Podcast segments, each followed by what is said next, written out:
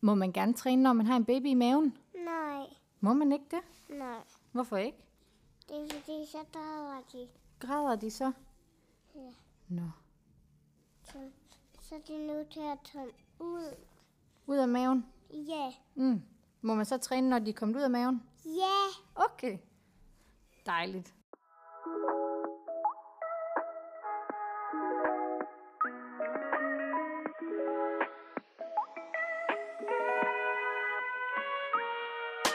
Velkommen til Motion. En podcast for dig, der er interesseret i fysisk aktivitet under en graviditet og efter en fødsel.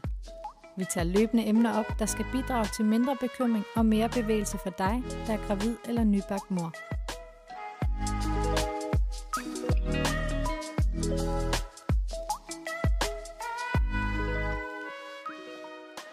Hej Christian.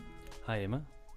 Vi skal snakke lidt om øh, bækkenbundstræning og bækkenbundsproblematikker i dag. En meget efterspurgt øh, episode. Det har været rigtig efterspurgt. Ja. Ja, og nu øh, har vi endelig fundet øh, den rette gæst til den her øh, til den her episode. Så vi har simpelthen fået øh, besøg af Ph.D. og forkvinde for det selskab, som egentlig står for at uddanne øh, fysioterapeuter inden for underlivsproblematikker, kan man vel sige. Og det er dig, Ulla. Ulla Du, velkommen til. Tak. Og øh, jeg tænker, at hvis det, man er fagperson og lytter med på, øh, på kanalen her, så, øh, så har man måske stødt på Ullas navn før, men ellers så den almindelige gravide eller nybagte mor kender måske ikke til Ulla og dit virke. Så jeg tænker, om du vil prøve lige for lytterne at fortælle, hvad, hvad du laver til dagligt og hvem du er. Ja. Jamen, jeg hedder Ulla Due. Jeg er uddannet fysioterapeut for mange år siden. Øh, Jeg arbejder til daglig på et hospital, hvor jeg øh, arbejder både med at have patienter med bækkenbundsproblemer. Det kan være kvinder med store fødselsbristninger. Det kan sådan set også være mænd. Øh, Det kan også være kvinder, som har smerter i bækkenbundsområdet. Jeg øh, er ved siden af, som du også siger, så er jeg forkvinde for det her selskab, der hedder DUKOF, Dansk Selskab for Urologisk, Gynækologisk og Obstetrisk Fysioterapi, hvor jeg ja, i hvert fald i 15 år har været med til at udvikle øh, kurser for fysioterapeuter, hvor vi prøver at sige, at det, der hedder den evidensbaserede praksis, det der med, hvor vi prøver at udbrede det, vi har videnskabeligt belæg for, bliver af det, vi underviser på øh, på kurserne. Jeg har også arbejdet mange år i det, der hedder Kontinensforeningen, og jeg har været med til at lave en masse sådan, det, der hedder kliniske retningslinjer, hvor vi prøver at finde ud af, hvad ved vi egentlig om et område, og det har selvfølgelig særligt været omkring de store fødselsbristninger, men også det, der hedder prolaps, altså nedsynkning af underlivsorganerne. Og jeg har kigget på inkontinens for urin, og inkontinens for luft og afføring. Så jeg har sådan øh, beskæftiget mig meget bredt med det her område i rigtig mange år. I min hverdag laver jeg så noget forskning, men jeg vil sige, at jeg har også rigtig meget praktiker. Jeg har med mm. rigtig mange kvinder og mænd at gøre i min hverdag. Ja, Ja. Ja. Og det er primært kvinderne, vi skal snakke om i dag. det er den nemlig. Ud, udelukkende ja. egentlig kvinderne. Det Det er kan godt være, der kommer lige et kvinderne. par Ja. noter med mændene, men Altså mændene kunne sikkert lære en masse, Det tror jeg, også, øh, bestemt. uden at de havde skade af det. Og mm. det er Mm. jo ikke fordi, det skal være rigtig svært, det vi skal tale om i dag. nej. Og øh, jeg tænker, at øh, lytterne allerede måske kan få lidt en fornemmelse af, hvorfor vi har, øh, har dig med inde i, øh, inde i episoden nu her. Det simpelthen er, fordi du har en masse ek- ekspertise, både sådan videnskabeligt, men også i praksis med at arbejde med patienter med, med diverse underlivsproblematikker. Øh, problematikker. Ja. Øhm, møder du, når du møder de her patienter her, er det, kommer de så ofte med en eller anden sådan forudindtagethed omkring øh, bækkenbundslidelser og bækkenbundstræning, eller... Jeg tror, jeg tror, jeg kan komme på to vigtige ting. Mm. Den ene, det er, at de kommer og er enormt sådan, ej, jeg har heller ikke fået trænet nok. Og de tror, det er det første, jeg sådan vil gå op i, om de har ligget derhjemme på gulvet og lavet knibeøvelser, til de var blå i hovedet. Og jeg siger, ved du hvad, hvis du har gjort det, så skal du rose dig selv. Øh, men der er jo rigtig mange kvinder, der kommer igennem liv, uden nogensinde har lavet et eneste knib. I hvert fald ikke bevidst. Det kan godt være, at de har lavet en masse ubevidste. Men det, jeg synes, der er en rigtig vigtig ting, det er, at, øh, at kvinder føler tit skyld, hvis de ikke synes, de har gjort et eller andet godt nok. Mm. Det synes jeg er en, en, en, den ene vigtige ting. Og så øh, en anden ting, ja, som, øh, som vi, vi øh, måske har talt lidt om, os tre her, det er, at øh, den der øh, myte om, at det, det faktisk er, det er ret svært at lave knibeøvelser. Man skal trække vejret på en bestemt måde, og øh, det er sådan noget med, hov, hov, jeg kan, ikke lige, jeg, kan ikke, jeg kan ikke hoste nu, fordi hvornår er det så, jeg skal knibe, fordi så skal jeg have en udånding. Og hvor jeg siger, at det er faktisk hammerende ligegyldigt det der, fordi reelt, hvis du skal stå og tænke så meget over det, så har du tisset i bukserne, mm. så kommer du for sent. Mm. Øhm, så så der, er en, øh, der er også nogle fortællinger omkring det at lave knibeøvelser, som gør, at mange kvinder synes, det er monstersvært. Mm. Og hvor jeg jo siger, at det, det skal ikke være svært. For hvis der er noget, der er svært, altså for det første så er kroppen ikke lavet til noget, der er svært. Og for det andet, hvis der er noget, der er svært, så gør man det ikke. Mm. Jeg gør ikke i hvert fald. Jeg ved ikke, hvordan andre har det. Øh, det kan da godt være, at hvis jeg virkelig gerne vil lære at stå på hænder, at jeg, så må jeg arbejde for det. Men det der med at knibe, det skal være noget, man kan gøre. Faktisk, mens man tænker på noget andet. Mm. Ja. Så faktisk, mens man måske sidder og lytter til den her episode? Det kunne man godt. Kunne man Eller, lige få et par knib med i banken? Yeah. Men det er, jo, det er jo meget fint tråd med også noget af det, vi snakkede om tidligere, det der med, at hvis man skal i gang, f.eks. efter en fødsel, eller bare i gang med at træne under graviditeten, så start på noget, du kan overskue, som du har lyst mm. til at mm. gå i gang med, og så kan du altid ja. bygge videre på det. Ja. Uh, det er vel lidt, det jeg hørte det, jeg hørte ja. sige her, ikke? Der, hvis det er for stor en mundfuld, inden man overhovedet går i gang, jamen, så kommer man ikke i gang. Nej. Altså, mit motto er, det skal være let at gøre det godt. Og hvis det er rigtig svært, for det første så bliver man så usikker på, om man gør det rigtigt.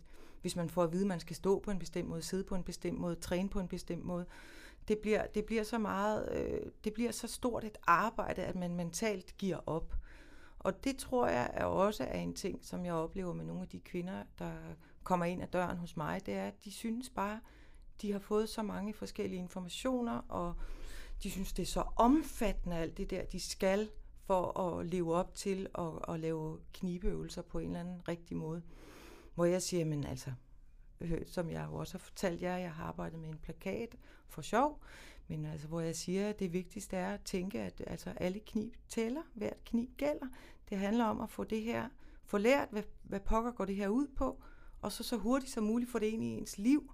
Fordi det der med at knibe, altså lukke proppen i kroppen, jamen det er jo noget, man gør, mens man gør noget andet. Altså, det er jo, det er jo at bare sidde og glo ind i væggen og lave knib. Hvorfor?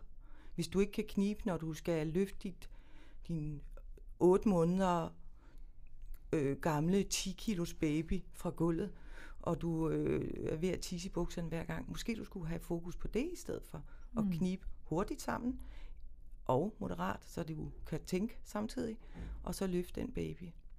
Så, øh, så for mig at se, er det noget med at, at også at få lavet et, et, et niveau, hvor man, man som mor kan være med.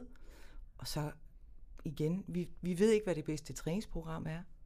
Så jo bare det at gøre noget, det er, øh, bare det at blive sendt hjem og få at vide, jamen prøv, prøv hver gang du tænker, uha, der er lidt tungt dernede. Prøv lige at lukke på forhånd, inden du løfter ham der bøffen på 10 kilo. Ikke? Prøv at mærke, hvad det gør for dig. Ah, smart.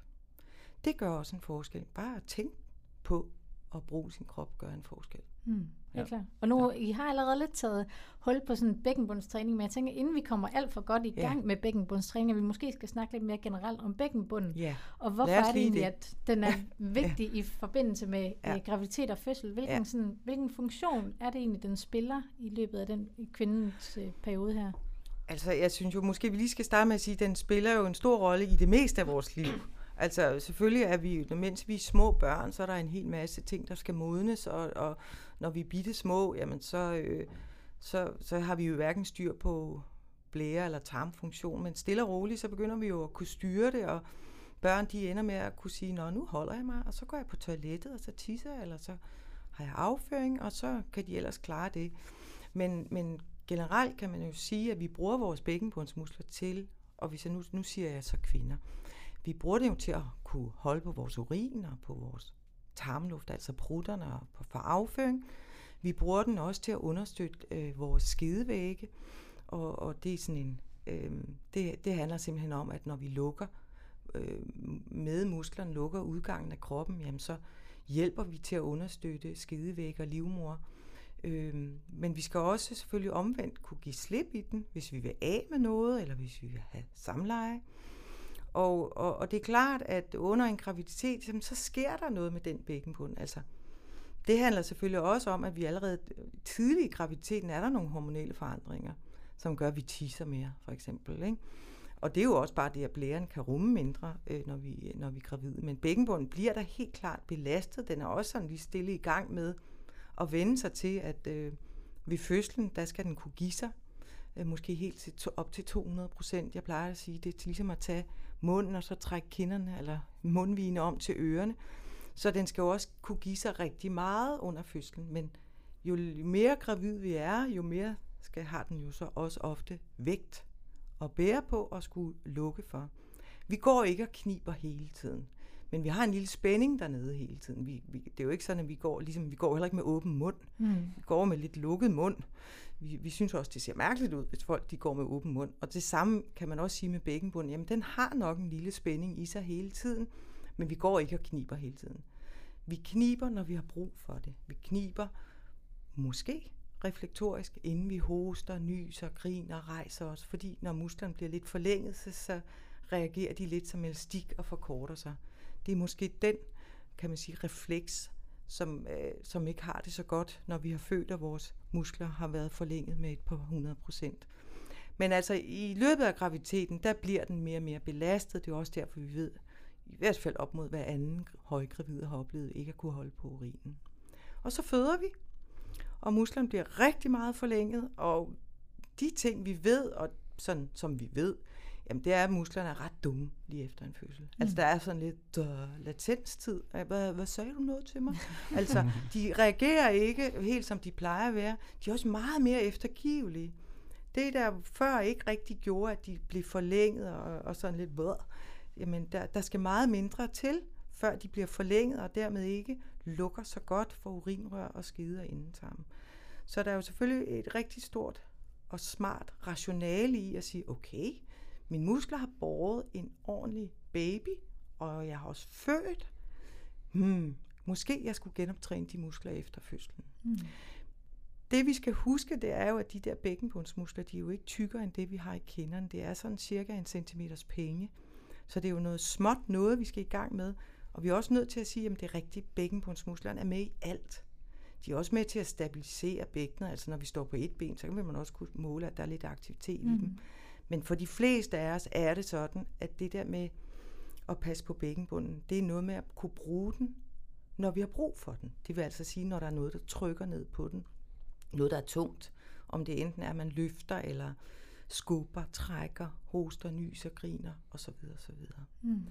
Så bækkenbundstræning er jo i høj grad noget, der handler om, og hvis man synes, man ligesom har glemt, hvordan man plejede at bruge de der muskler, at man får indøvet og træne musklerne, eller at bruge musklerne i hverdagen, øh, mm. når man har brug for dem. Ja, og jeg tænker på sådan, altså helt anekdotisk, så tror jeg, at jeg selv først blev bevidst mm. omkring min bækkenbund ja. i forbindelse med graviditet og fødslen, altså ja. efterfølgende, og simpelthen ja. skulle genfinde den der sådan connection, og lige pludselig alt føles bare anderledes, ja. både fordi man havde født et barn ja. vaginalt, men ja. også øh, fordi, at der måske er sket nogle forandringer dernede. Lige præcis. Hvordan tænker du så, at man kan komme, altså sådan, kan eksperimentere med, hvordan man sådan spænder i, i altså kniber i bækkenbunden i forhold til, om man kan mærke det. At jeg tænker, det, mm, hvis du mm. siger det der med, at den der, sådan, ja. den der bane fra hovedet og så ned til bækkenbunden, at ja. den øh, bliver, der er lidt latenstid, ja. hvordan man sådan måske kan undersøge, om man rent faktisk får knibet i, øh, ja. i bækkenbunden. altså for det første, så er det jo rigtig smart at tænke på, hvor er det, det her det foregår. Og det foregår jo ikke i maven, eller i låren, eller i ballerne. Det hjælper faktisk ikke at spænde lår, baller eller noget. Fornemmelsen for de fleste er, fornemmelsen er at snøre lidt sammen med endetarmsåbningen. Jeg plejer det, svarer det, sige, det svarer ligesom til at lukke munden, bare i den anden ende. Mm. Fornemmelsen kan være, at man løfter sin endetarmsåbning lidt ind i kroppen, og måske også det sted, hvor mellemkødet er, altså der mellem endetarmsåbningen og skeden. Der er også nogen, der kan mærke, at de kan ligesom samtidig øh, trække urinrøret lidt ind i kroppen. Mm, det er lidt forskelligt. Men bare det at have fornemmelsen af, at man lukker sin endetarm, altså suger den lidt op i kroppen, så er man ofte på rette vej.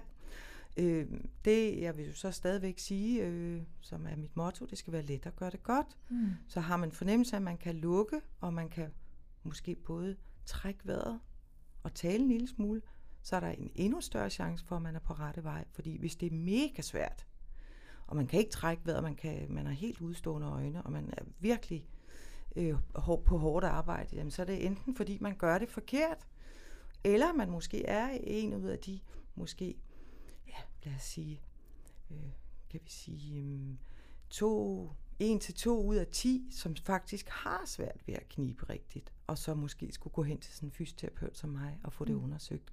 Men for de fleste vil det altså være sådan, at de kan se, også med et spejl, at hvis de lægger bare sig ned på ryggen og tager sådan en håndspejl, så kan de se, at bækkenbundsmusklerne, eller øh, ens kønsdele, mm. bliver trukket lidt ind i kroppen, når, når de laver et knib. Mm. Så det kan man sagt. Man kan også sætte sig på en, øh, et sammenrullet håndklæde, eller man kan sætte sig på sin hånd, så man mærker, at, at man ligesom løfter sit underliv en lille smule væk fra mm. hånden og op i kroppen. Ja. Men altså den store kunst er jo i virkeligheden, at det der med at knibe, det er som regel noget, man gør, mens man gør noget andet. Mm. Øhm, og det, det kommer lidt tilbage til den her plakat, som I jo så også nævner, hvor jeg siger, jeg har lavet sådan tre cirkler, hvor jeg siger, men det kan godt være, der er, og nu siger jeg lige, hvad cirklerne indeholder, der er i midt i, der har jeg, har jeg tegnet nogle mennesker, øh, en der sidder, en der står, en der ligger, og hvor min teksten er, lær det. For nogle er det sådan, at man er nødt til at lægge sig ned og virkelig fintænke, for at finde ud af, hvor det er, det foregår. Eller sætte sig ned, og så være stille og være fokuseret på, okay, hvor sender jeg den der besked hen? Hmm, nu prøver jeg at lukke dernede om mindetarmen, og så holder jeg lige lidt, og så giver jeg slip igen, og jeg mærker lige, at jeg giver helt slip, selvfølgelig, inden jeg gør det igen. Øh, for andre er det sådan, at de meget hurtigt kan sige, ah, bingo, jeg er med, og så skal de gå i gang med at tænke over, hvornår er det så, jeg skal bruge det der knib? Mm. Nå, det er, når jeg løfter ham der Anton på 10 kilo. Eller når jeg skal have barnevognen op ad en bakke. Eller jeg skal have de der to indkøbsposer ind under barnevognen. Eller hvad det er. Når det er der, jeg kan mærke, at det er svært at holde på urinen, eller det er svært. Det, det føles tungt i mit underliv. Øhm, ja, men altså, hovedparten kan, kan vi bare overhovedet at sende beskeden snør sammen af endetarmsåbningen, eller suge mellemkødet og endetarmen lidt op i kroppen, så kan de godt regne med, at de er på rette vej. Mm. Så igen, det skal ikke være svært det her, for det er det ikke, men det svarer cirka til at lukke munden, bare i den anden ende. Ja. Ja, men du er lidt inde på også dem, der med, dem som sådan, så føler, at det er svært, at det måske kan være fordi, at de gør det altså enten forkert, eller de mm. også altså, overgør det, hvis man ja. kan sige det på den måde. Ja. Men altså, kan man sådan kan man knibe forkert, eller er det måske mere fordi, at man vil komme til at øh, presse mere i bækkenbunden, ja. eller hvordan? Ja. Knibe forkert, man kan jo lade være at knibe, mm. og man kan komme til at presse. Og nu, nu har vi måske ikke talt så meget om det, men altså bækkenbundsmuskler, ligesom alle andre muskler i kroppen, der arbejder, der forkorter de sig. De forkorter sig for, at åbningen i bækkenbunden bliver mindre, og når musklerne forkorter sig, så laver de faktisk et knæk på endetarm og på skide og urinrør. Der bliver også snøret sammen. Øh, men det, det vigtigste det er faktisk det her med, at musklerne forkorter sig, så åbningen i bækkenbunden bliver mindre, og der kommer det her knæk på hvert rør. Man kan jo så selvfølgelig forestille sig, hvis man presser i stedet for. Altså man tror, man kniber, men man presser, så forlænger man jo muskler, man åbner bækkenbunden, man udretter knækket. Mm. Det er jo ikke særlig smart. Det får man ikke ret meget ud af.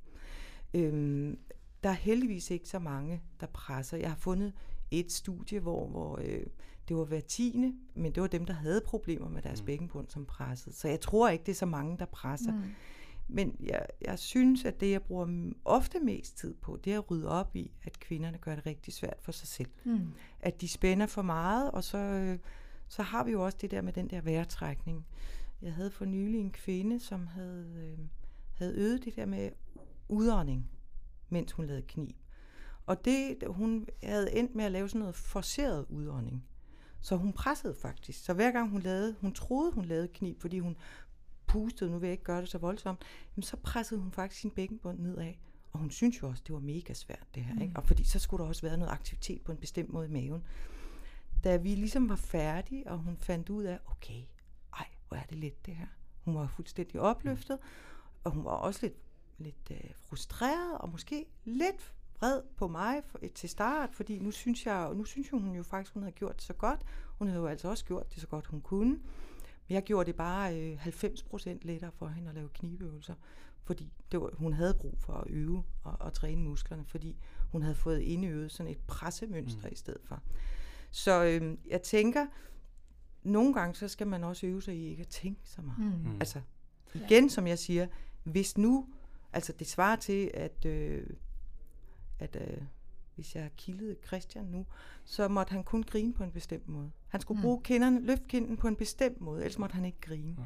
Altså vi skal også nogle gange passe på, at vi ikke gør det så svært at være til, at vi, øh, vi, øh, at vi ikke kan ja. være til, fordi hvis nu kroppen var så svær at arbejde med, jamen så havde vi simpelthen aldrig overlevet som art. Mm. Men jeg, jeg kan bare øh, så meget genkende til, til hvad du fortæller, både som praktiker, men også den smule undervisning, jeg har, hvis, hvis det kommer ind på, på, på bækkenbund. Men, men, men, men, og nu ser jeg også som praktiker slet ikke øh, mm. nogen øh, tilfælde, der, der, der er slemme i forhold til bækkenbundsproblematikker. Hvis jeg har for en, der har øh, nogle symptomer efter noget snak, så, så sender jeg dem videre til kynopsfys. Øhm, men, men, men jeg oplever nemlig lige præcis det samme med, at, at at det, der ofte står i vejen, det er en masse forestillinger om, hvordan det skal være, at de enten ja. har tillært sig, eller fået lært en bestemt måde, ofte med noget øh, meget kompliceret værtrækning, øhm, hvor, hvor det handler mere om at, at rydde op og få fjernet det, og ja. gøre det så simpelt, øh, hvor ja. de fleste så ender med at sige, er, er det bare det? Ja, ja øhm. og det er, jo, det er jo, der er jo ikke, altså, det er jo det, jeg siger, det kan også nogle gange være lidt træls, når, når nogen, der kommer og så siger, er det bare det? Ja. Mm. Øh, jeg bryder mig ikke om sådan kejserens nye klæder, heller ikke inden for det her. Jeg har også kvinder, der igen kommer med den der vejrtrækning, og hvor de, de er mega langsomme. Og reelt noget af det, vi ved omkring øh, bækkenbunden og altså inkontinens, det der med ikke at kunne holde på urin særligt, der er der nogle kanadiske øh, kolleger, der simpelthen kunne konstatere, øh, ved at, at bruge et meget øh, sikkert måleredskab, jamen altså, er man for langsom til at knibe. Altså til at sætte det der knib i gang, luk, så tisser man i bukserne. Mm. Man har en markant øget risiko. Så jo langsommere vi er, jo sværere er det at holde på urinen særligt. Altså, hvordan skal man nå at knibe, inden man hoster, hvis man tror, man er, går på balletskole? Det er ikke en balletskole. Mm. Det er den hurtigste knaller i byen. Afsted. Puff. Men den, den møder jeg jo rigtig tit på, altså som underviser. Jamen, hvilken, undervis, hvilken øh, er det på ind- eller udånding, der skal gøre ja. det? det vil hvad der er bedst for den enkelte. Ofte ja. har jeg sådan med i forhold til praktisk. Det kommer, jeg ja. synes jo, det er måske mere, øh, hvor, hvor hurtigt skal du nå det? Ja. Kni. Ja, en god pointe. Ja. Altså, og kommer du for sent? Det, altså, igen, kommer man for sent, hvad sker der så? Jamen, så tisser man i bukserne. Ja. Mm. Hvis man ikke nåede at knække det der urinrør inden hostet, nå. Ja. Og det hjælper ikke at begynde hostet, og så prøve at knibe. Så er man allerede begyndt at åbne bækkenbunden og, og, og, og den øverste del af urinrøret, som hedder blærehalsen. Så den hurtigste, det er faktisk rigtig godt. Selvfølgelig skal man ikke være så hurtig, som man... Øh, så, øh, øh, men man skal i næsten faktisk kunne præstere et knib i sekundet. Spænd, mm. slip, spænd, ja. slip. Det kan jeg godt finde på at sige er et godt mål. Ja. Og selvfølgelig skal man ikke blive ved med at knibe, til man er ved at kaste op. Ja. Men hvis man kan klare 15 knib på 15 sekunder, stående, så er man meget godt kørende. Det eneste, jeg har med, med vejrtrækningen, som jeg personligt selv bruger, er, at den advokerer, man kan sige. Og det vil mm. jeg bare godt, godt tænke mig at høre din, din mening om, sådan helt ærligt. Mm. Øhm, og det er jo egentlig i bund og grund kun ved, ved man sige, øh, kvinder, der, der sådan er ved at lære det og, mm. og få en mm, følelse yeah. af det. Men det er, at, at det er fint nok at tage en, sådan en dyb vejrtrækning ind imellem, for at komme til at slappe af, så de bedre kan mærke en, en, en forskel, altså en kontrast mellem afslappning og spænding. Yeah. Det er relativt det eneste, jeg sådan nogle gange bruger. Hvad, hvad tænker du om det? Jeg tror, der er flere ting i det her. Altså et, man skal jo kunne knibe og trække vejret samtidig. Ja. Ellers faldt vi jo alle sammen om på gulvet, ja. blå i hovederne. Så, så et knib skal ikke være kraftigere. Nej. Og måske er vi i virkeligheden nede på, at vi skal knibe halvdelen af det kraftigste, vi kan. Okay. Vi behøver ikke knibe kraftigere.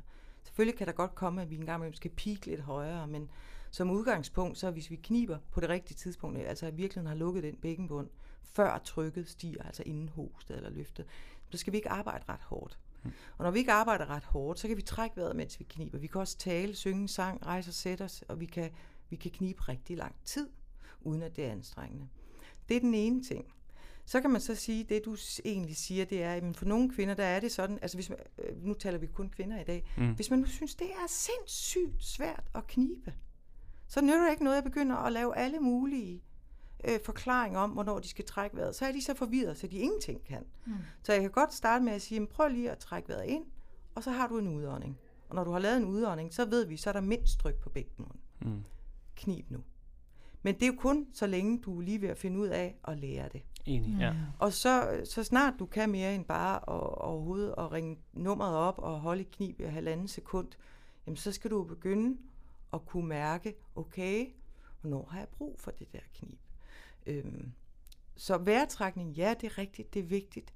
Og jeg mener, alle mennesker skal trække vejret, og det er virkelig godt ja. at lære folk at trække vejret, og også at kunne trække vejret, mens de gør alle mulige andre ting. Jeg bruger så selvfølgelig vejrtrækning rigtig meget til at få kvinder til at slappe af. Ja. Også. Jeg har også kvinder, som bliver behandlet, fordi de faktisk spænder for meget den der bækkenbund. Mm. Det er ikke så typisk, det har noget med fødsel at gøre, må jeg sige. Det kan tit være, at man har, har, altså man har smerte ved samleje, det kan være, at man er bange for at have sex, det kan være, at man har prøvet noget, der ikke var rart, og hvor man så måske rigtig gerne vil kunne slappe bedre af i sin bækkenbund, så man måske kan have det her samleje, hvis det er det, man vil. Men for dem er det at mærke sin krop og kunne trække vejret og give slip i kroppen rigtig vigtigt. Men det er det også for alle andre, der træner. Altså hvis man laver, som jeg siger, man er inde i den her cirkel, øh, som er på min plakat, hvor man lærer det, før man går videre ud i en træning og, og noget med at bruge knibet, jamen så kan det godt være, at man får at lære at kende forskel på knib og afslappning, skal blive rigtig god til at mærke hele sin krop. Hvornår spænder jeg hele kroppen, hvornår slapper jeg af, hvornår bruger jeg min vejrtrækning, hvornår holder jeg vejret. Så, men ja, jeg tænker igen, vi skal, vi skal også passe på, at vi ikke gør det for svært. Ja, mm. jeg er helt enig. Helt ja. enig ja. Og så tænker jeg også sådan, vide, hvornår, altså for mm. hvem skal man en afslappende vejrtræning kan være relevant, ja. og hvornår man bare ser bort fra det. Ikke? Ja. Ja.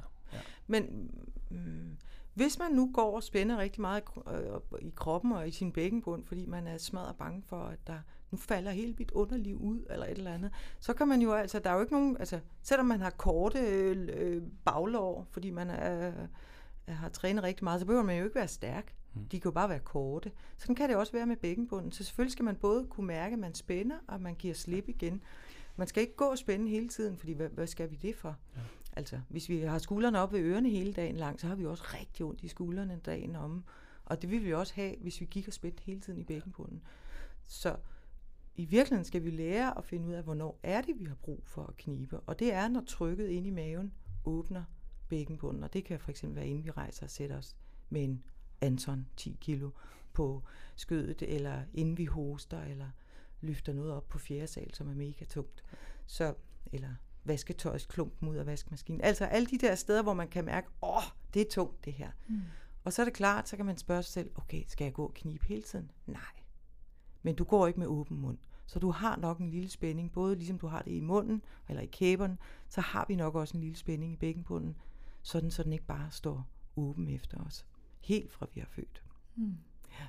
Men det lyder også lidt til det der med, at det også kan være meget individuelt, hvilken sådan tilgang man yeah. skal have til bækkenbundstræning. Yeah. Men jeg tænker også, sådan, er, det, er det nødvendigt for alle efter en fødsel at skulle, øh, skulle lave bækkenbundstræning? Altså, jeg tror simpelthen ikke, vi ved det. Mm. Men hvis vi nu hypotetisk siger, at alle os, der har født gennem skeden, øh, vi har forlænget vores bækkenbundsmuskler med omkring 200 procent. Og jo større baby, jo flere procent. Og det er både muskler og nerver, der har været forlænget. Øhm, så må ikke det ville være super smart at genoptræne mm. de der muskler på en eller anden måde efter fødslen. Det, og vi ved jo så også, at i hvert fald de første 6-8 uger, der er bækkenbundsmusklerne dummere. Altså nerveforsyningen kan være påvirket, så, så det der øh, knib, man måske plejede at lave, inden man øh, hostede, så man ikke slog en prut, ups, den er der ikke. Eller øh, så videre, altså inden hostet. Så, så ja, jeg vil jo sige, mm, jeg synes jo, alle kvinder burde genoptræne deres krop efter en fødsel på et eller andet niveau. Jeg er ikke religiøs på, hvordan det skal mm. foregå. Men, men det at skabe noget øh, connection til sin bækkenbund, tror jeg er vigtigt. Nå, og vi ved jo så også, at den har været så forlænget, og vi ved simpelthen, at den er mere eftergivelig. Og det er den også seks måneder efter en fødsel. Hvis man hoster, seks måneder efter en fødsel, så kan man også se den sige sådan lidt Wang. Så selvfølgelig er der et rigtig godt grundlag for det. Vi ved bare ikke, om alle har brug for det. Mm. Måske er det sådan, at nogle af os, vi, vi er lavet af noget andet materiale end andre. Altså, min bækkenbund, den har i hvert fald haft brug for, at jeg tænkte over den, da jeg havde født. Og, altså, der, der, det er der både nogle lidt tungere skedevæg og et mellemkød, som de måske godt kunne have syet lidt mere i, og nogle muskler, der, der var noget belastet. Og, Så jeg har, da, jeg har da tænkt over mine bækkenbundsmuskler efter fødslen. Det er måske ikke mig, der har ligget ned og lavet knib, men jeg har været mega god til at, at øve mig i at knibe, øh, når jeg kunne mærke, at det var tungt for mit mm. underliv.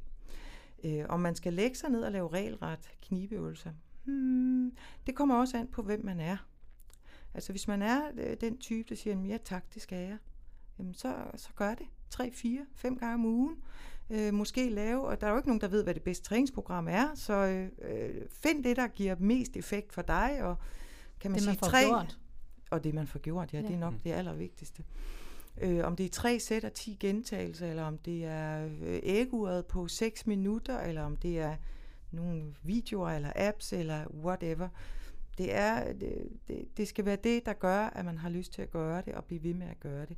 Altså jeg, ligesom jeg plejer at sige, mm, lad være at sætte noget i gang, hvor du bare kommer til at opleve nederlag. Så hellere sige, okay, øh, hver dag kl. 12, så står jeg foran køkkenuret og laver 10 knib. Og så ellers så, øh, husker jeg at knibe, når jeg løfter Anton. Mm. Ikke? Fordi han er 10 kilo. Det, han er fandme tung, og han kan ingenting. Så, så, så hellere lave nogle realistiske træningsaftaler med sig selv, men,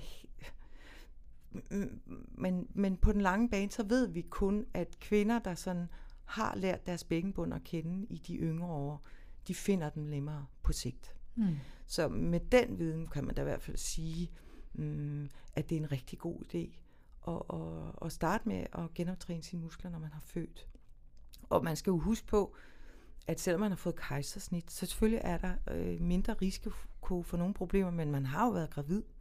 Og hvis man har været inkontinent, altså ikke at kunne holde på urin, for eksempel i sin, af, øh, i sin graviditet, jamen så, øh, så har man en større risiko for at udvikle det på sigt. Så det er ikke bare fødslen. Det er også alt det, kroppen har været igennem. Mm. Øhm, der er jo nogen, der på nogle gange har lavet nogle, altså hvor de har spurgt folk, hvor lang tid vil du træne? Og så når folk er virkelig piværlige, jamen så er det under 10 minutter. Og jeg vil jo sige, jeg er nok øh, mistænker, at 5 kan være rigeligt. Og Det, det synes jeg også 10 minutter lyder som lang tid. Ja. umiddelbart. og, men det er jo sådan, hvor dedikeret man er, og hvornår, og hvornår er det, vi er dedikeret? Vi er som regel dedikeret på et eller andet, når vi synes, vi har et problem, og så glemmer mm. vi det. Og hvor jeg så siger, men prøv, mens du mærker, du har problemet, hvor du er dedikeret, så tager du de 5 minutter, fire dage om ugen, hvor du simpelthen har hele din hjerne fokuseret på at få trænet dine muskler. Og så resten af tiden, den bruger du på at sige, okay, og hvad skal jeg så bruge musklerne til mm. i min hverdag?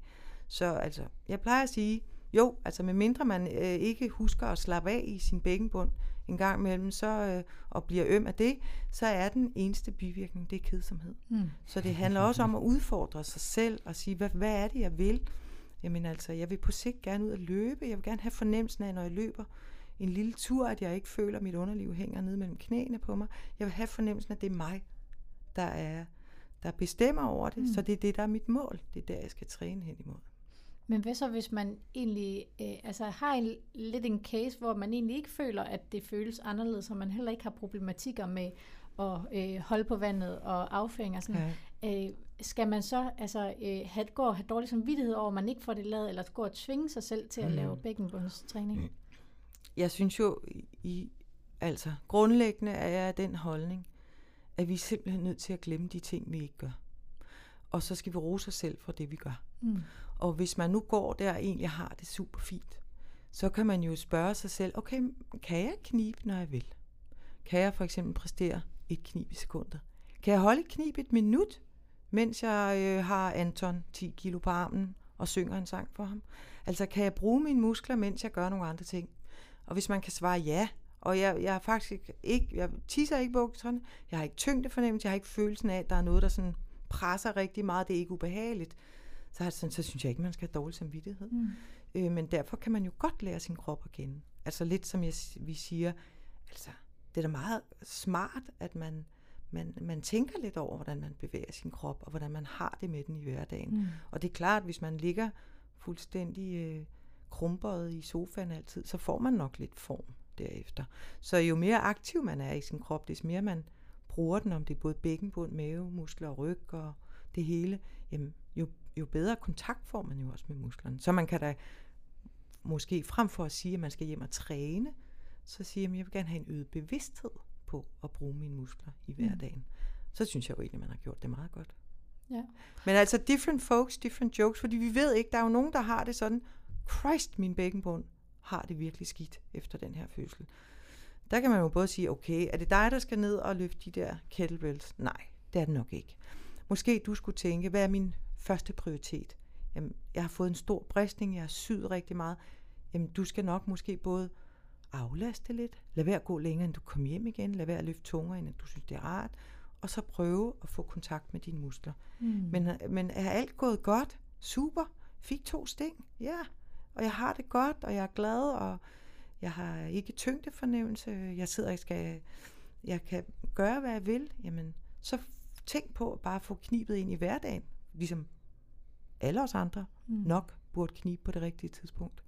Ja. Og så gå ud i livet og gøre det, du gerne vil. Ikke? Mm. For jeg vil sige, altså for, efter min første fødsel, der tror jeg nok, jeg var lidt den case, vi sådan omtaler her, der ikke øh, oplevede nogen mm. anden fornemmelse i underlivet ja. eller funktionsmæssigt. Øhm, og hoppede også ret hurtigt tilbage til træning, men blev ved med at blive mødt af den der konstante dårlige samvittighed. Mm. Blandt andet til en 8-års undersøgelse, ja. hvor at jeg nu her efter anden fødsel er blevet bekræftet i, at hvis jeg ligger på ryggen på sådan en øh, briks og svejer ja. i ryggen, så kan jeg virkelig ikke knibe.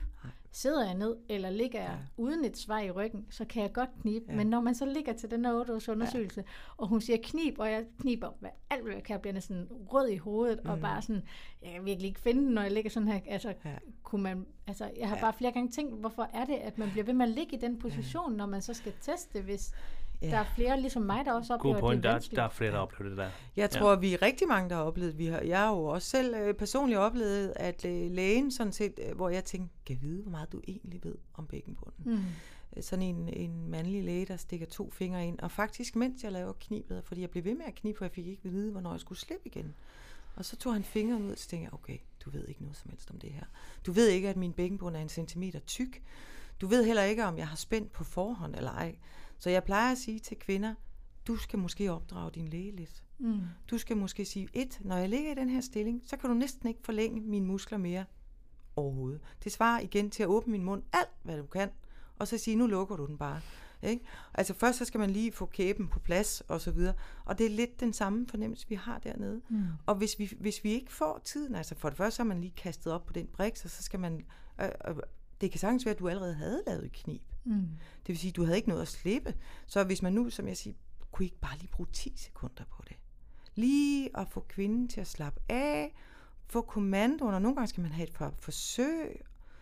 Og så den næste, det er, og hvad så, hvis man ikke er så god til at knibe? Mm. Skal man så hjem og have at vide, øh, du er også... Blablabla. Og det synes jeg jo er totalt fejlslagent. Mm. I virkeligheden, så kunne man sige, Hmm, jeg som læge, som måske ikke lige ved så meget om bækkenbundsmuskler, tænker, jeg mærker ikke et kraftigt knib. Hvad er min referenceramme? Hmm, ja, der er nogen, der kan knibe rigtig kraftigt, og nogen, der ikke kan. Men vi ved faktisk ikke, om dem, der kan knibe rigtig, rigtig kraftigt, de er lykkeligere, end dem, der ikke kan. Så, så måske, hvis de havde lavet dig knib, holde, du fik tid til at slappe af først, du fik mulighed for at holde knib, og måske holde det i 10 sekunder, så ved vi allerede ret meget om dig. Kan du holde et knib i 10 sekunder, så er du rimelig godt på vej, og mm. kan du trække vejret se normalt ud i hovedet, så er det endnu bedre. Eller kan du nå at knibe, hvis jeg mærker med mine fingre inde i, i din skede på dine muskler?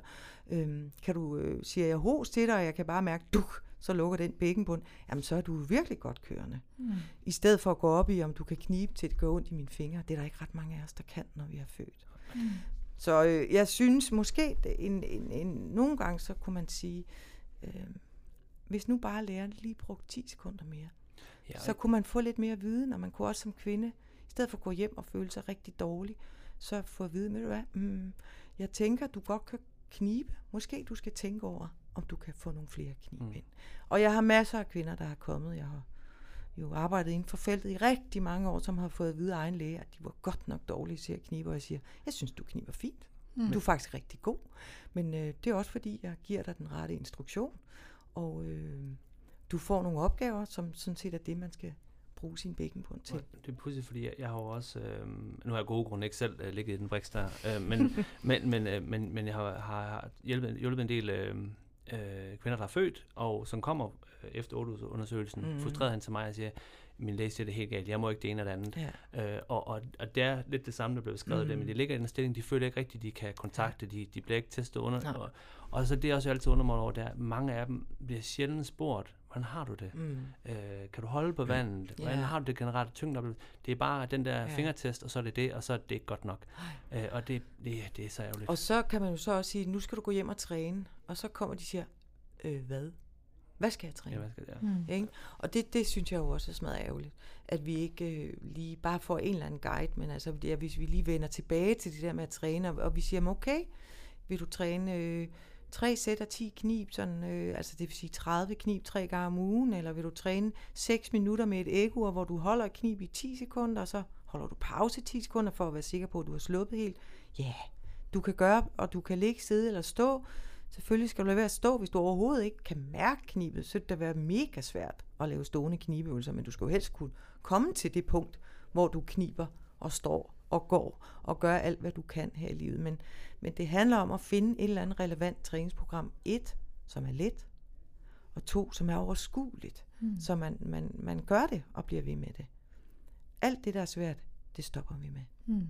Helt 100. Ja. Altså jeg er lidt nysgerrig på sådan, på, nu siger du også det her med, at, at med de rette instruktioner, så kan hun godt knibe mm. øh, godt. Øhm, men jeg, og jeg tænker også, at i dit virke, der øh, er der vel også en, en eller anden grad af noget palpering og ja. noget visuelt ja. i at kunne øh, ja. se, om der er ja. god fun- knibefunktion. Ja. Men der er også rigtig mange af de her sådan bækkenbunds øh, genoptræningshold, eller hvad man ja. kan kalde dem, efter fødslen. Mm. Og altså, jeg, går ikke, jeg har aldrig prøvet at deltage på et, så, men jeg går ikke ud fra, at man ligger med underlivet bare til, til de hold Nej, det gør man ikke. Men om, øh, hvis nej, nu man nej, ja. antager, at man også derhjemme får lavet sine knibeøvelser, mm.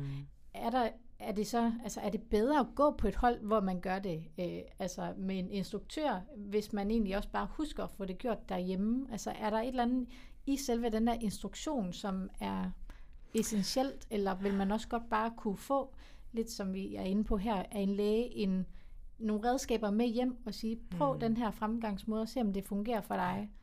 Altså, det er, jo, det, det er jo sådan et spørgsmål, der er lidt svært at svare på. Altså, vi har, det er jo også sådan blevet undersøgt gennem tiden. Øh, hvis man nu går til individuel bækkenbundstræning, er det så bedre end at gå på et hold? Nej. Altså, man kan sige, hvad er det, vi sammenligner? Mm. Øh, det, der kan være godt ved at gå på et hold, det kan være, at man bliver motiveret. Mm. Man, øh, og det er det samme, ligesom jeg siger, man kan købe alle mulige dimser og dutter. Man kan putte en dims op i skiden, man kan sidde på noget, man kan putte noget elektrisk stimulationer ind, mens man laver knib. Der er faktisk ikke noget, hvor vi kan bevise, det er bedre end at lave knibøvelser. Men hvis det nu motiverer en, så kan det være godt. Så vil jeg så samtidig sige, at nogle af de der dimser, det, det, der kan man ligesom ikke andet end bare at bruge dimsen. Altså hvis man ikke kan rejse og sætte sig med en dims, eller øh, bevæge sig rundt eller løfte, så er det sådan set lige meget. Men at gå på et hold, øh, om man laver knibeøvelser derhjemme eller går på et hold, det må jo simpelthen bero på, hvem man er. Mm. Og hvis det motiverer en, og hvis man tænker, jeg lærer bedre, når jeg er sammen med andre, eller når jeg får nogle opgaver, så synes jeg, man skal gøre det. Hvis man, hvis man er sådan, ligesom, ja, ja, det kan jeg sagtens gøre derhjemme, og jeg har faktisk fornemmelse, enten at have måske ligget selv med et spejl, eller jeg har, øh, jeg har mærket på mig selv, enten uden på endetarmsåbningen eller på mellemkødet, eller jeg har mærket med en, en eller to fingre ind i skiden, og jeg kunne mærke, at der skete noget, jamen så er det strålende at træne selv.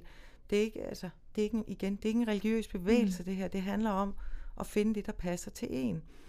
Øhm, jeg, jeg siger jo så, at de kvinder, som jeg møder i min hverdag, det er kvinder, der har enten har, har, har fået store fødselsbristninger, altså skader, som går helt ned til endetarms lukkemuskel, eller det er kvinder, som har svært med at holde på urin eller afføring, eller har meget store problemer med nedsygning i underlivsorganerne. Der synes jeg, det er på sin plads, at man bliver henvist til sådan en som mig, og så mm. få undersøgt, om man kniber korrekt. Altså, det er jo det, vi kan. Vi kan undersøge, om man gør det rigtigt, og jeg, altså, jeg vil næsten sige, at altså, næsten alle mine, i hvert fald kvindelige patienter, de ser med med et spejl, mm. så de selv kan se, hvad der er, der sker dernede. Fordi det er også, man kan, man, kan, man kan have det så fremmed med den del af sin krop efter en fødsel, altså fordi den er så dum, den der bækkenbund. Og, så det er en god idé at, at, øh, at få hjælp, hvis man synes, det er mega svært. Mm. Og det skal jo selvfølgelig være en, der, kan, der, ved, der ved, hvad, hvad hun eller han har med at gøre. Ikke? Mm. Ja, altså nu er du selv lidt inde på de her dimser her. Fordi altså, jeg har stødt på mange dimser, og der kommer godt nok også mange reklamer med øh, bækkenbunds øh, mm. træningsdimser. Jeg ved ikke, noget af det har jeg næsten lyst til at kalde sexlegetøj, sådan mm. som det er, ser ud. Men øh, altså, jeg tænker, at øh, sådan noget som øh, for eksempel de der sådan bækkenbundskugler, mm. altså er det noget, hvor man kan bruge det? Altså jeg tænker, kan man indarbejde en eller anden form for progression i sin bækkenbundstræning? Altså det er jo sådan noget, vi ved fra generelt set fysisk aktivitet, mm. at for at musklerne også adapterer til vores ja. træning og bliver stærkere, jamen så er det med progression. Ja. Vil sådan en belastning fra en kugle, vil det gøre det sværere, og det vil hjælpe en til et niveau bedre, eller er det egentlig bare at spille sine penge på... Øh... Altså jeg plejer at sige, køb en kjole i stedet for. Mm. altså jeg tror, du bliver gladere for den. Jeg har mest alt mødt øh, kvinder, altså, som, altså igen, som jeg siger, hvis man er typen, hvor man tænker, en dims vil gøre, at jeg fire gange om ugen bruger, laver knib. Om det er en dims, der kan gøre, at jeg kan se, om jeg kniber på det rigtige tidspunkt, eller hvad pokker det er. Altså sådan nogle kugler der. Mm man kan sige, hvis man skal holde dem oppe, så skal man jo gå og spænde hele tiden. Jeg har prøvet. Det var virkelig morsomt. Og det var faktisk rigtig svært, og jeg tænkte, det er da ikke sådan bækken på den arbejder. Det, er jo ikke, altså, det, det var jo statisk arbejde. Mm. Det var faktisk sådan, så man kunne se sådan lidt sjov ud i hovedet. Men jeg tænker, er der ikke også en risiko for, at, at det kan gå hen og blive en krykke? At man, kan, man ikke kan uden det her stykke øh, ting, eller et eller andet, hvis man øver sig meget på det. Mm, det tror I forhold til, hvordan vi ved, hvordan kroppen fungerer. Yeah, nej, man hele tiden skal have noget yeah. udefrakommende stimuli til at kunne gøre det. Det tror jeg ikke. Altså, men, fordi, men det, det, der måske er problemet med alle de her dimser og dutter, som jeg kalder dem jo, det er, at... Øh, og jeg bruger det jo en gang imellem. Altså jeg bruger jo en gang imellem noget, der hedder biofeedback, EMG, altså hvor man, mm. som, som kan, kan man sige, øh, vise, hvor mange elektriske signaler man præsterer, når man kniber. Men jeg bruger det jo til patienter, som har virkelig svært ved at knibe. Ja. Det er en meget selekteret gruppe, som har så svært ved at mærke deres knib, så hvis man sætter en lille føler ind i som regel ind i endetarmsåbningen, fordi det, det er sådan set der, man mærker det bedst, øh, så kan de se på en skærm, ah, nu kan jeg få, nu kan jeg, nu kan jeg få den her øh, lille mm. dims til at reagere. Ja. Samtidig skal jeg jo så sidde og holde øje med, at de ikke bare suger maven ind, eller spænder et andet sted, for så klog er sådan en dims ikke, vel? Mm. Men, men, men for nogen kan det være sådan, at det, at man visuelt, og, og man mærker også, at man har den der dims siddende, kan gøre det, at de får ah, den der aha-oplevelse. Men det er jo kun noget, jeg bruger i en begrænset periode. Og, og hvis vi ser på de studier, vi har, så har vi ikke nogen studier, der nogensinde har kunne vise, at det var bedre at bruge altså enten nogle, øh, noget elstimulering, elektrisk stimulering, eller vægte, eller biofeedback, i forhold til, altså noget feedback-træning, i forhold til at lave knibeøvelser, sammenlignet med alt bare knibeøvelser. Så, så, så så derfor så siger jeg altid, at hvis du vil bruge penge på det, fordi du tænker, at det her det vil motivere mig, så gør det. Mm. Men jeg kan ikke love dig, at fordi du giver 300 kroner for et eller andet, at du så får en bedre bækkenbund, mm. end hvis du bare havde trænet, sådan som vi to har talt om det. Og på et niveau, hvor du faktisk et, har lyst til at gøre det igen. Ikke i morgen måske, men så i overmorgen. Så øhm, og jeg tror ikke, vi skal være, altså vi skal ikke, der, er ikke, der er ikke nogen bekymring ved at bruge det, eller købe det. Jeg synes bare, det er ærgerligt, hvis man, man øh, særligt hvis man køber ligesom de der vægte, og så ligger de hjemme i skuffen, og så kommer man ind til mig, og så har man de der vægte med, og siger, at ja, dem købte jeg så, og de kostede rigtig mange penge, men altså, jeg har ikke brugt dem. Nej, det kan jeg egentlig godt forstå, mm. fordi det var svært, og det var egentlig ikke, kan man sige, intuitivt, det du havde brug for. Du skulle ikke gå og spænde hele dagen for at holde det der dims inde øh, det hjælper dig ikke. Mm. Ja. Så, men jeg, jeg, jeg skal ikke være normativ. Man må gøre lige, hvad man vil. Øh, der er ikke nogen, der har haft skade af at bruge en dims, hvis de synes, det er godt. Lidt som, altså jeg har jo også lavet sådan nogle lydfiler og sådan noget. Øh, og jeg siger, at dem, der, der bliver motiveret af at bruge det, de skal gøre det. Men hvis man har det sådan, det kan jeg faktisk godt selv, så gør man det. Mm. Og eller hvis man har det sådan, jeg vil gerne gå på et efterfødselshold, eller gå til træning øh, sammen med nogle andre kvinder og med en berigende instruktør. Fedt, så gør det. Mm. Ja. Så lidt tilpasset til, mm. hvem man, hvem man ja. er. og det er jo det samme igen, hvis man nu øh, har født, som jeg sagde før, nogle af de kvinder, jeg møder, har jo haft store bristninger, og synes, det kan være rigtig svært at knibe, eller har meget tyngde fornemmelse, så siger man, du er ligesom nødt til at indstille dit aktivitetsniveau, så det passer til, at du er en nybagt mor. Mm. Du skal ikke ud og løbe 8 km. Du skal også tænke på, at du skal også have brysterne med, for den sags skyld. Men, men du har et underliv, der er ved at komme sig. Du har en krop, der er ved at komme sig. Du har ikke, du har ikke sovet tre timer sammenhængende endnu. Hvad er det, du skal? Mm. Hvad er det for en ambition? Du skal have en flad mave, du skal have dit og dat. Det er ikke der, du er. Så prøv at lade kroppen komme sig, og når jeg så siger, at altså, den er nok lidt dum, den bækkenbund, de første otte uger, så lad da være at tro, du skal ud og løbe. Øh, speed race et mm. eller andet mm. sted. Ja. Vent til du faktisk har både energien, overskud og føler, at din krop er med dig. Mm. Og så kommer det jo tilbage til det der med, jamen hvis jeg nu har det super godt, jamen så prøv din krop af. Mm. Men prøv at være ærlig. Lad være at gøre noget. Lad være at løbe længere, end du kommer hjem igen. Lad være at gå længere, end du kommer hjem igen. Lad være at, at køre på, så du faktisk oplever, at din krop den er helt smadret. Fordi lige nu her, der er den vigtigste person egentlig det der lille menneske, mm. du har bragt til verden. Mm. Ikke? Ja. Det, er jo, det er jo meget i tråd med det, vi har snakket om tidligere. Ikke? Altså at det her med, at hvis du har det godt, og du har lyst til at løbe, altså, så er der ikke noget vejen ved at prøve af at være nysgerrig, eventuelt på en god tur. Ja. Mm. Men det kræver så også, at hvis det ikke føles rart, så skal ja. du stoppe. Mm. Ikke? Altså, ja. det, er jo, det er jo det, jeg hørte dig sige. Ja. ja. Altså, jeg, da jeg havde født første gang, så tænkte jeg, nu skal den have. Ikke? Og jeg, altså, jeg, vil sige, jeg fødte jo for 25 år siden første gang. Og det var sådan, at dengang måtte man ikke lave knibeøvelser, mens man var gravid. I, ved, I dag ved vi jo så, at det er ustyrligt vigtigt at lave knibeøvelser, mens man er gravid. Det er faktisk noget af det, der kan altså, mindske risikoen for at blive inkontinent, og, og, og også i hvert fald det første halve år efter fødslen med op til 60 procent. Så søde kvinder, gå nu i gang med de knib, mens I er gravide, og lær den bækkenbund at kende. Men da jeg havde født, og jeg havde ikke måttet lave knibeøvelser, mens jeg var gravid, det var som en by i Rusland. Jeg anede ikke, hvad jeg havde med at gøre. Og jeg var jo så den der, der tænkte, nu skulle jeg ud og løbe, fordi det har jeg altid gjort. Og jeg plejer helt åbent og ærligt at sige, at jeg bar det der underliv hjem. Og der gik faktisk øhm, nok i næste, altså mere end et halvt år, for jeg følte, at det var rart at løbe. Og i stedet for at gå ud og løbe, så løb jeg være. Og det var nok meget godt. Og jeg plejer også tit at sige til de nybagte møder, okay, når du har været ude og gå en time med barnvognen, hvordan har du det så? Og så er jeg lidt tung i underlivet. Okay, skal du så ud og løbe? Hmm. Nej. Prøv nu at mærke efter, hvad det er, din krop siger til dig. Og jeg, jeg måtte jo selv erkende på den hårde måde. Nå, okay, det var faktisk ikke det, jeg skulle.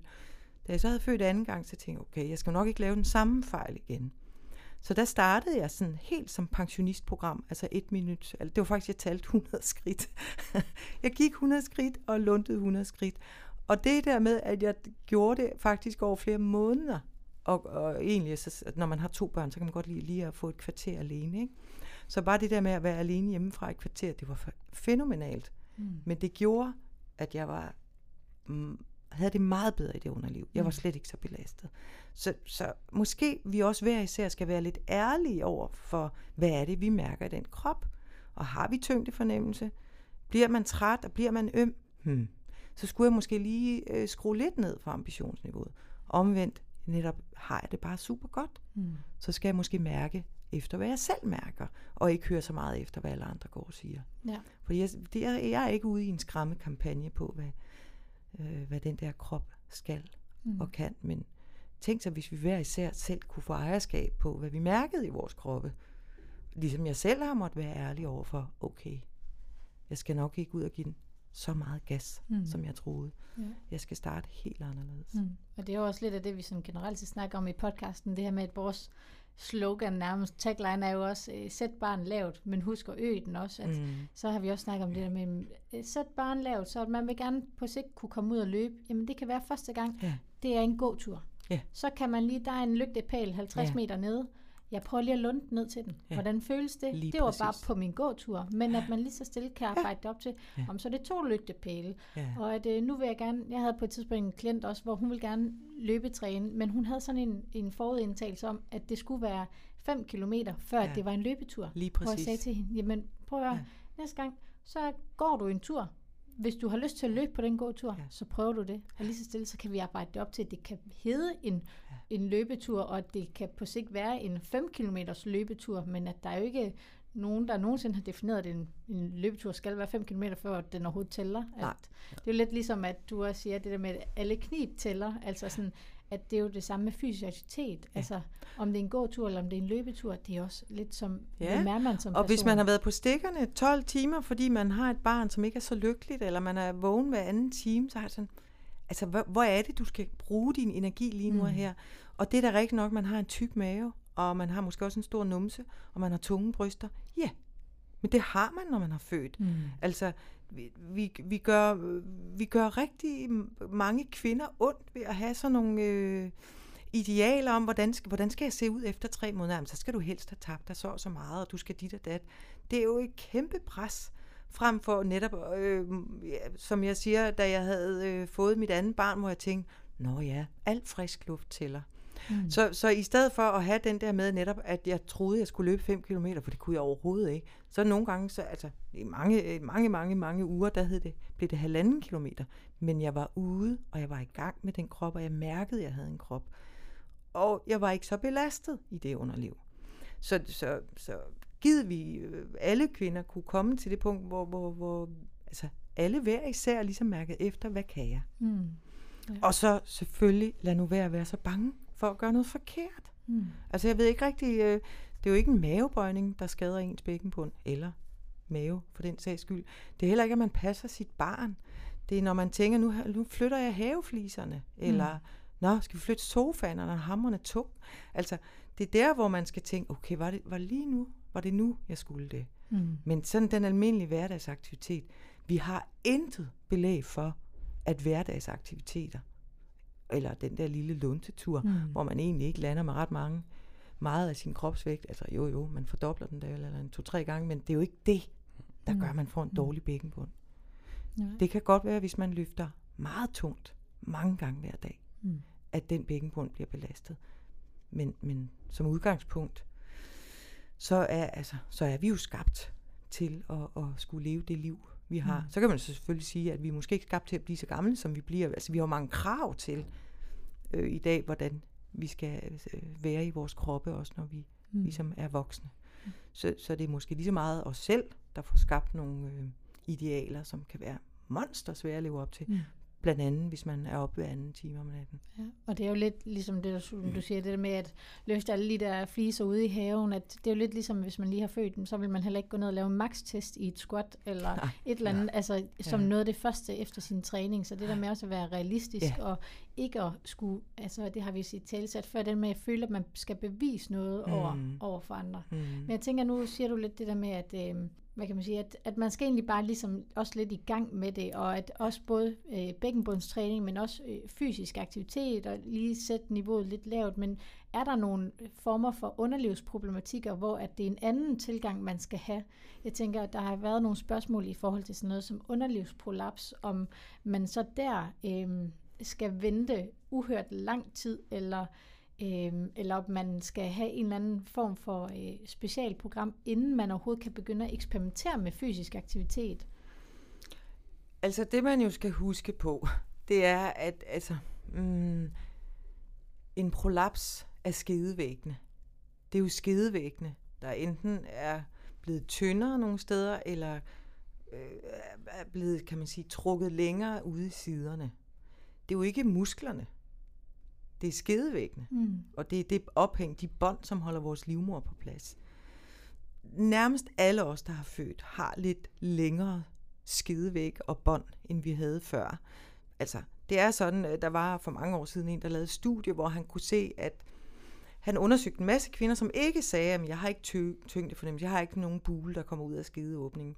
Og mere end 50 procent af dem havde prolaps. Altså, så måske er det lidt sådan, at vi skal, vi skal diskutere lidt, hvornår har man prolaps? Mm. De fleste af os har nogle skedevæg, der hænger, altså hvis vi er født, har nogle skedevæg, der hænger tungere, end de gjorde, før vi fødte. Så det, at de hænger lidt tungere, måske kan man også se, at der er sådan lidt, måske kan jeg se den forreste skedevæg lidt mere, hvis jeg kigger med et spejl, og i hvert fald særligt, hvis jeg sidder på huk.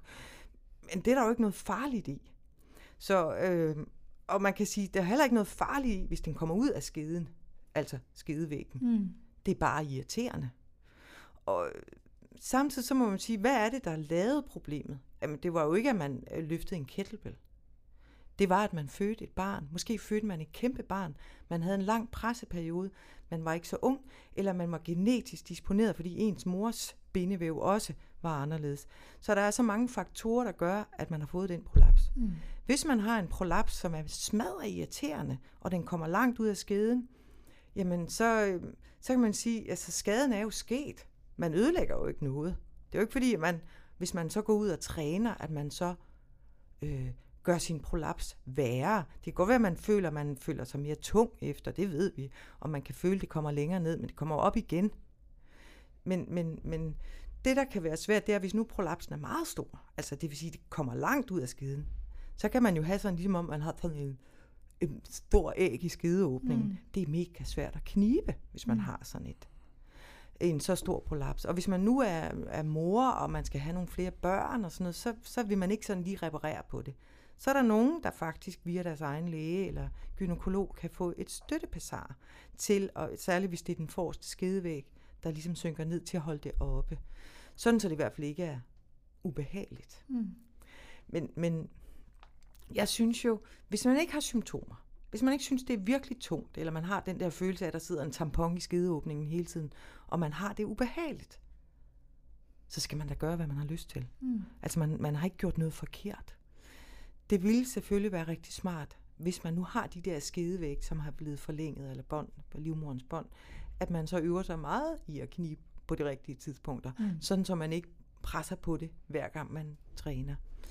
Og det kan da også godt være, at det ikke er hende, der har den meget store prolaps, som skal dyrke tung, tung styrketræning. Fordi vi ved det forværrer symptomerne. Mm. Altså, det ved man. Altså, ligesom at folk, der har tungt fysisk arbejde, oplever mere tyngdefornemmelse. Men at di- direkte at sige, det må du ikke, det synes jeg vil være mm. smadret ærgerligt. Fordi det kan jo også give livskvalitet. Det kan jo gøre lige præcis, at man er lykkelig. Og jeg, som jeg siger, men der er jo masser af mennesker, der ikke kan holde på deres urin. Og der er rigtig mange kvinder, der holder undskyld, op med at dyrke motion, fordi de ikke kan holde på deres urin. Mm. Det er jo super ærgerligt. Fordi der er så mange problemer ved øh, ikke at, at dyrke motion. Altså i forhold til kroppen i det mm. hele taget. Så nogle gange, så skal man øve sig enten, jamen, nogle de bruger en tæner, når de dyrker sport. Nogle de bruger et støttepessar til at holde øh, blærerne og livmoderen eller, og skedevæggene oppe. Men gør det, der gør, at man er glad for at dyrke den motion, mm. man godt kan lide at lave. Øhm, så jeg, jeg, vil, jeg kunne aldrig finde på at sige til nogen, det må du ikke. Mm. Mm. Nej. Fordi, hvad så? Hvad så? Mm. Jamen, hvad så bliver det værre? Ja, yeah. måske bliver det værre, måske bliver det ikke værre. Det ved vi faktisk ikke. Vi ved, at forstoppelse og kronisk hoste og overvægt, det er nogle af de ting, som ikke er så gode for en bækkenbund. Så hvis du kunne, du kunne starte med at kigge lidt på det også. Mm. Ikke? Tag to magnesia hver aften, hvis det er det, der er dit problem. problem sæt en skammel under fødderne, eller være pres. Mm. Øh, det er noget af det, der giver det højeste tryk, og så selvfølgelig, selvfølgelig øh, meget højt trampolinhop. Mm. Jeg er en af dem, der selv altid har stået af de der legeborg, for jeg synes ikke, det var rart fordi mit bindevæv også måske er lidt slatten, men det er da ikke sådan, at jeg siger, det må jeg ikke. Mm. Jeg må da gøre lige, hvad jeg vil. Og det synes jeg også, man skal sige til sig selv øh, som kvinde. Øh, og hvis, selvom man har noget, der synker lidt ned. Så. For hovedparten af os har noget, der synker lidt ned. Ja, mm. så det, det jeg også hørt, det, det kan jeg også forstå på nogle af dem, øh, der kontakter os, men også nogle klienter, der får konstateret øh, en eller anden grad af prolaps. Men, mm. men der er også en stor del af dem, der simpelthen ikke mm. oplever nogle symptomer. Ja. Øh, så det, jeg hørte sige, det er, at de skal ikke gå og være så bekymrede. Nej. Altså, det er faktisk noget af det, man internationalt er begyndt at, at kigge meget på. Altså, jeg er faktisk hammerende ligeglad med, om man kan se en prolaps, hvis man ikke kan mærke den. Det er fuldstændig ligegyldigt. Selvfølgelig er der nogen, der har meget stor prolaps, og måske er der noget med nerveforsyning, men hovedparten, hvis man ikke har symptomer, så er der ikke, altså, der er ikke en kæft, der gør noget ved det alligevel. Mm. Mm. Jeg lavede jo selv øh, mit studie, min PhD, hvor jeg tog kun kvinder med, der havde symptomer. Øh, og det er typisk, at man først har symptomer, når, når kan man sige, prolapsen kommer forbi skedeåbning eller vores jomfruhinde. Ikke? Mm. Øh, men, der var, altså, men stadigvæk var der jo nogen, der ikke havde symptomer.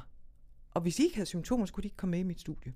Fordi vi netop interna- altså, man internationalt siger, jamen det er symptomerne, vi behandler. Mm. Det er ikke, om der er nogle skedevæg, der er blevet lidt løsere. Fordi det bliver de.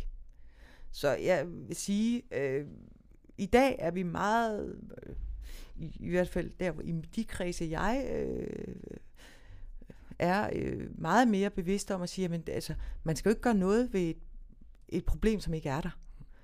Man gør noget ved noget. Problemet når man har symptomer. Og vi ved, at cirka hver tiende af dem, der har noget prolaps, har symptomer. Det er da dem, vi skal gøre noget med. Resten, de skal lade være at blive forstoppet. De skal lade være at hoste. De skal øh, lade være at blive alt for tykke. Og så skal de virkelig, hvis det stod til mig, lære at knibe på de rigtige tidspunkter. Så er man kommet rigtig langt. Mm. Øh, og så ellers øh, få den motion, altså der, som udgangspunkt, så kan vi jo heller ikke sige på den lange bane, at fordi man øh, dyrker sport, at så får man endnu større prolaps mm. på, når man bliver lige så gammel som mig. Ja? Man kan også tilføje, at, at øh, i hvert fald i forhold til forstoppelse og hoste, så har motionen faktisk en god indvirkning ja. på det, ikke? Så jo. der er også, ja. Men, men og generelt kan vi jo se, at der er så mange faktorer, hvor motion gør noget positivt. Så, så det ville være så ærgerligt, hvis vi begyndte at sige til kvinder, nej, det må du ikke, nej, det må du ikke, nej, det må du ikke. Jamen, jeg kan virkelig godt lide det. Nej.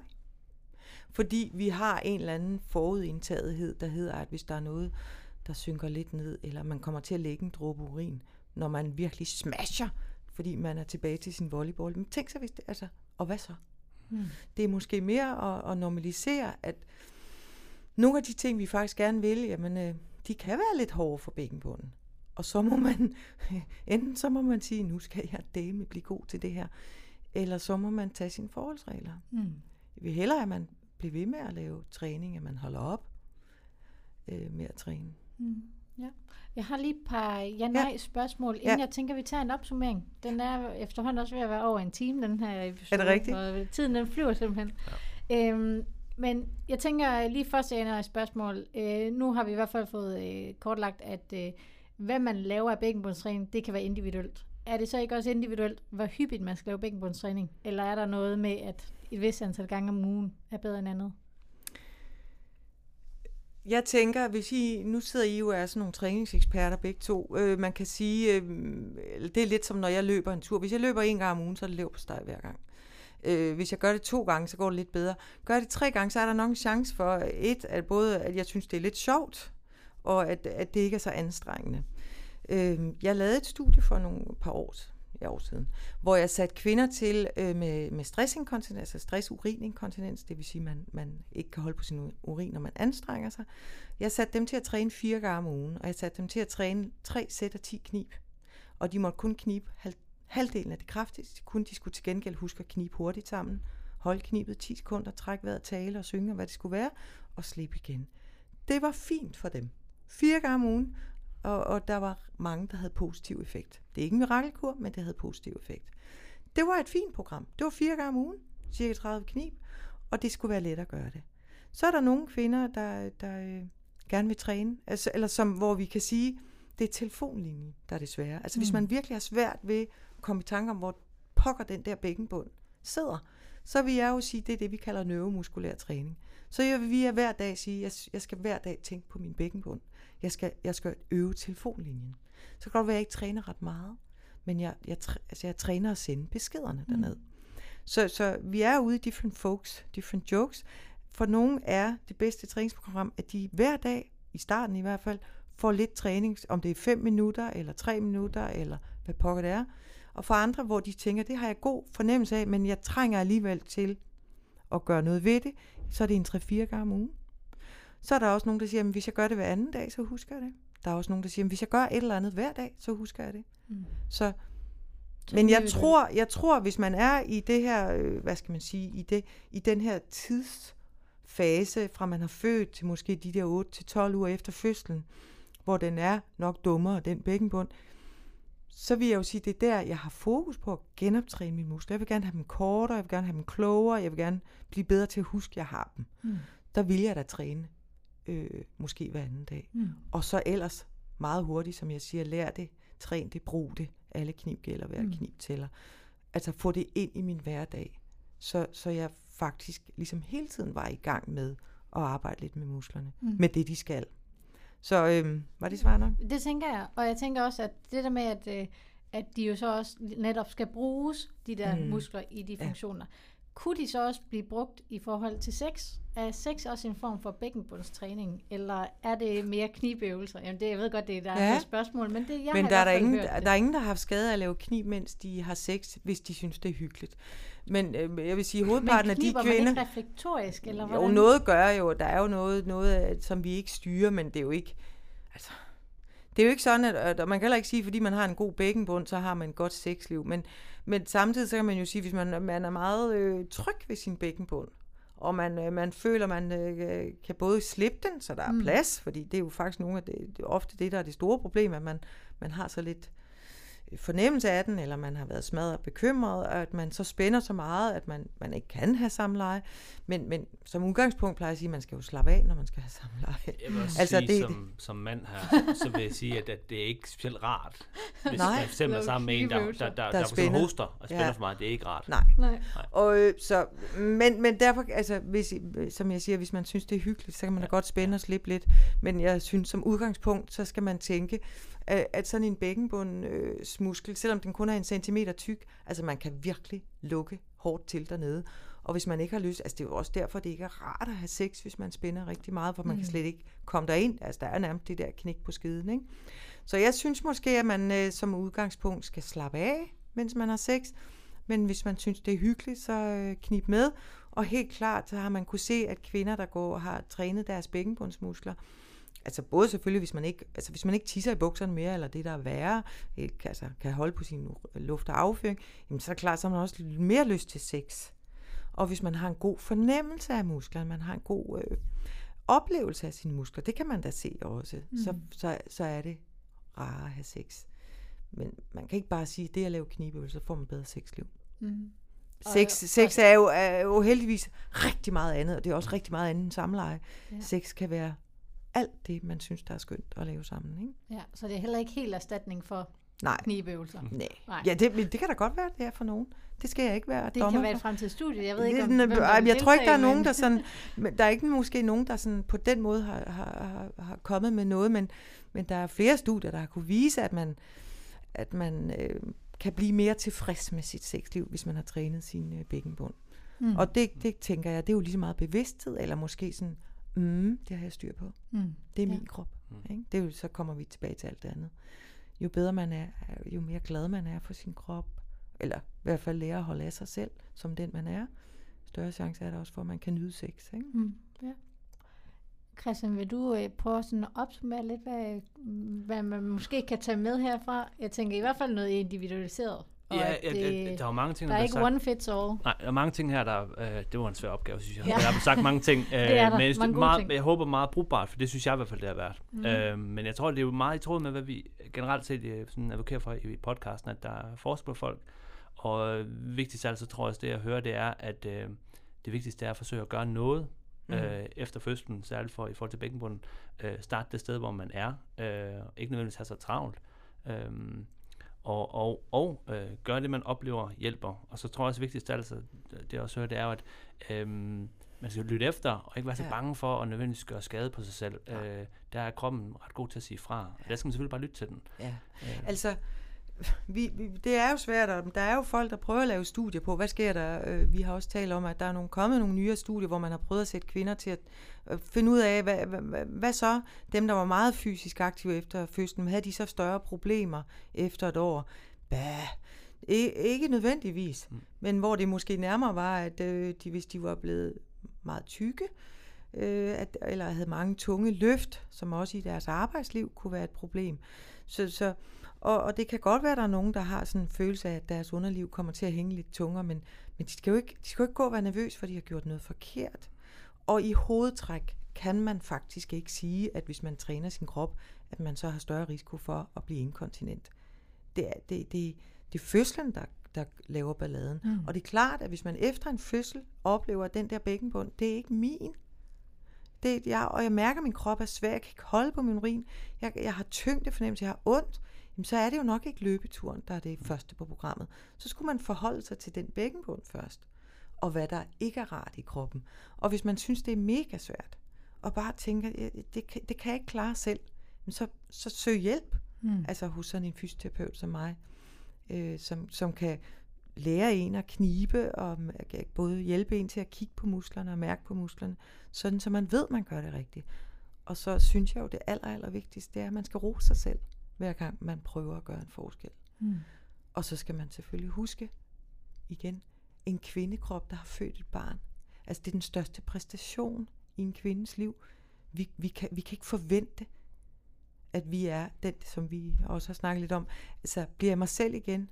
Altså, hvad er mig selv igen? Mm. Din krop har været, du har været monsterhøjgravid. Du har været kæmpestor. Du har født en på 4 kilo. Altså, du bliver en anden, mm. men og, måske du, næsten lige så god som før. Ikke? Og nu er du mor, det var du ikke før, så det er jo ikke lige, den samme alligevel. Du er jo aldrig den samme, og din kæreste, partner er jo heller aldrig den samme mere. Mm. Og kroppen bliver ældre. Og hvis vi sådan kommer hen efter min alder, som er 57 og over overgangsalderen, jamen så er der også nogle ting, der spiller ind.